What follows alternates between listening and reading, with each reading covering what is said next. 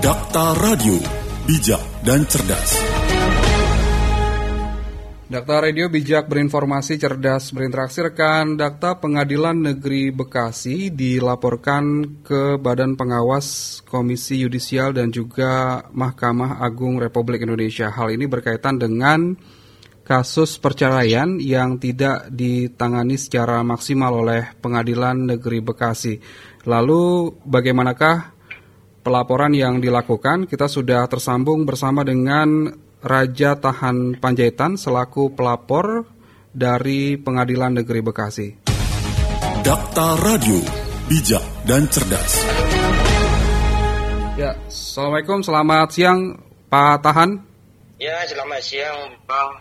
Ya, Pak Tahan seperti apa uh, pelaporan yang memang dilakukan oleh uh, Abang sebagai kuasa hukum dari para dari klien Abang uh, terkait dengan penyalahgunaan kekuasaan dari Pengadilan Negeri Bekasi ini? Oh ya, terkait sudah kita layangkan ke Mahkamah Agung Republik Indonesia dan Badan Pengawas Mahkamah Agung Republik Indonesia tertanggal 22 November 2021 kita melaporkan dugaan pelanggaran kode etik oleh Majelis Hakim Perkara 564 yeah. Bekasi pada tahun 2020. Hmm. Hal ini terkait putusan majelis hakim dalam perkara itu yang menyatakan bahwa uh, klien kita yang kebetulan orang Batak yeah. untuk mengajukan proses perceraian di pengadilan itu harus melalui harus mendapat rekomendasi dari lembaga adat yang namanya Dalihan Tulu. Hmm. Nah, sementara pada pokoknya kita mengajukan perceraian ini adalah atas dasar Undang-Undang Nomor 1 tahun 74 sebagaimana telah ditetapkan dalam PP Nomor 9 tahun 75 juga. Yeah. Di sana sudah sangat jelas bahwa ketentuan Undang-Undang Nomor 1 dan PP 79 ini diberlakukan untuk non Muslim dan golongan timur dan Tionghoa untuk mengajukan gugatan perceraian di pengadilan. Yeah. Namun fakta yang kita temui dalam pertimbangan hakim dalam perkara ini, dia menyatakan bahwa perkara perceraian yang diajukan oleh orang Batak harus melalui lembaga adat Batak yang namanya Balihan Metode. Yeah. Dan kita kita tidak sependapat dengan majelis hakim ini karena kita menyatakan putusan ini termasuk rasial. Yeah rasa dia karena membawa-bawa ketipuan. Seyogianya majelis hakim dalam perkara ini untuk memberikan satu kepastian hukum bagi para pihak yang non muslim khususnya untuk perceraian. Hmm. Dasar hukumnya kan sudah jelas dibuatkan di sana. Yeah. Ada Undang-Undang Nomor 174, ada PP peraturan pelaksananya PP Nomor 9 tahun 75. Dan hal ini kita menyatakan apa kok majelis hakim pertimbangannya seperti ini gitu loh. Hmm. Itulah yang menjadi dasar kita minta uh, melaporkan majelis hakim ini atas dugaan penerapan hukum adat dalam perkara ini. Baik, Bang Tahan ini kan uh, proses apakah memang terkait dengan proses perceraian sebelum sebelum sebelum sebelumnya juga memang dilakukan di lembaga adat itu bang ataukah atau atau apa ataukah memang ini hanya hakim saja yang berdalih terkait dengan uh, uh, apa namanya perceraian yang memang dilakukan di lembaga adat itu? Jadi begini saudaraku dalam penerapan hukum yang kita tahu Nah, setiap warga negara harus tunduk dan taat kepada undang-undang, iya. bukan kepada hukum adat. Betul. Kan itu aturan pertamanya.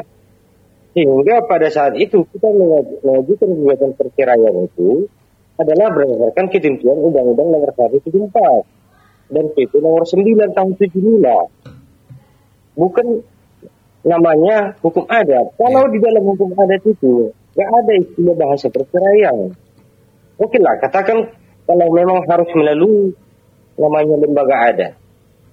Padahal, uh, padahal majelis hakim perkara ini tahu jelas bahwa penggugat dan tergugat itu belum diakui pernikahannya secara adat. Hmm. karena mereka belum uh, ada istilah Batak mengatakan belum mengadati itu. Kalaupun ada lembaga adat ini, di mana lembaga adat itu ada? Itu kan? Yeah. Di mana lembaga adat itu berada? Apa kewenangannya? Apa dasar hukum pembentukannya sehingga mereka punya kewenangan untuk mengeluarkan rekomendasi untuk mengajukan gugatan perceraian di pengadilan. Baik. Setahu kita sampai saat ini, sampai detik ini di negara kesatuan Indonesia belum ada namanya itu lembaga adat Batak Metode. Itu tidak ada. Baik. Dalihan Metode itu adalah filosofi hidup, bukan lembaga. Dia bukan lembaga dia. Artinya memang itu. untuk proses perceraian dari klien abang ini juga uh, berlarut-larut begitu ya bang ya berkaitan dengan uh, belum ya. di uh, apa namanya diputuskan oleh pengadilan negeri Bekasi ini ya. Ya jelas jelas bang karena gini pelanggaran pelanggaran yang dilakukan oleh majelis hakim menurut pendapat kita sangat banyak. Hmm. Yang pertama, masalah penerapan asas daripada hukum acara perdata. Yeah.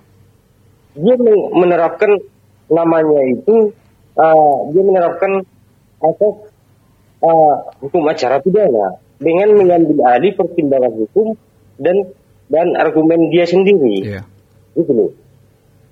Sedangkan yang kita tahu dalam hukum acara perdata, hakim itu bersifat pasif dia. Hmm. Dia menunggu para pihak untuk membuktikan dalil-dalilnya sesuai dengan bukti-bukti yang diajukan dan saksi-saksi dan fakta persidangan.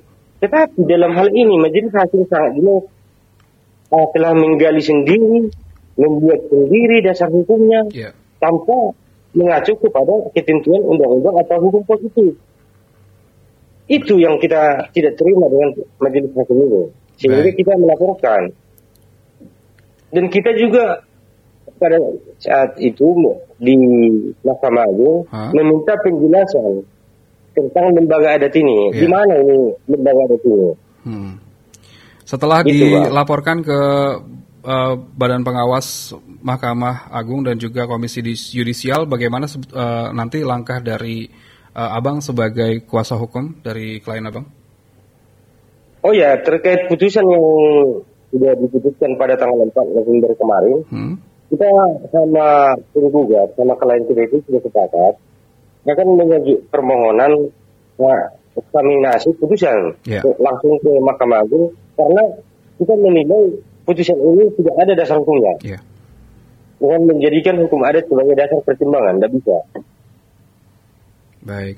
Ini mudah-mudahan ke depan uh, kinerja dari Pengadilan Negeri Bekasi ini juga uh, maksimal Bang ya dan juga ini tidak tidak mempersulit terkait dengan proses uh, perceraian ataupun juga terkait dengan yang lainnya dan memang harus sesuai dengan koridor-koridor hukum Bang Tahan. Iya, memang ya, harapan kita ke depan uh, Badan Pengawas Mahkamah Agung itu lebih aktif untuk mengawasi lembaga-lembaga peradilan. Ya. Karena saya berpikir di kota besar sebesar Jabodetabek saja ada putusan seperti ini. Hmm. Apalagi di luar kota Jabodetabek yang nyata-nyata jauh dari uh, pengawasan Mahkamah Agung gitu loh. Yeah. Yang dekat saja sudah berani membuat putusan seperti ini gitu loh, Bang. Baik. Ya memang harapan kita sih ke depan peradilan lebih baik lah. Baik. Bang Tahan, terima kasih sudah berbincang bersama Radio Dakta. Semoga proses hukumnya juga berjalan lancar.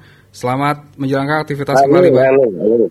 Selamat siang. Assalamualaikum ya. warahmatullahi wabarakatuh. Selamat siang, Bang. Terima kasih. Assalamualaikum. Dakta Radio, bijak dan cerdas.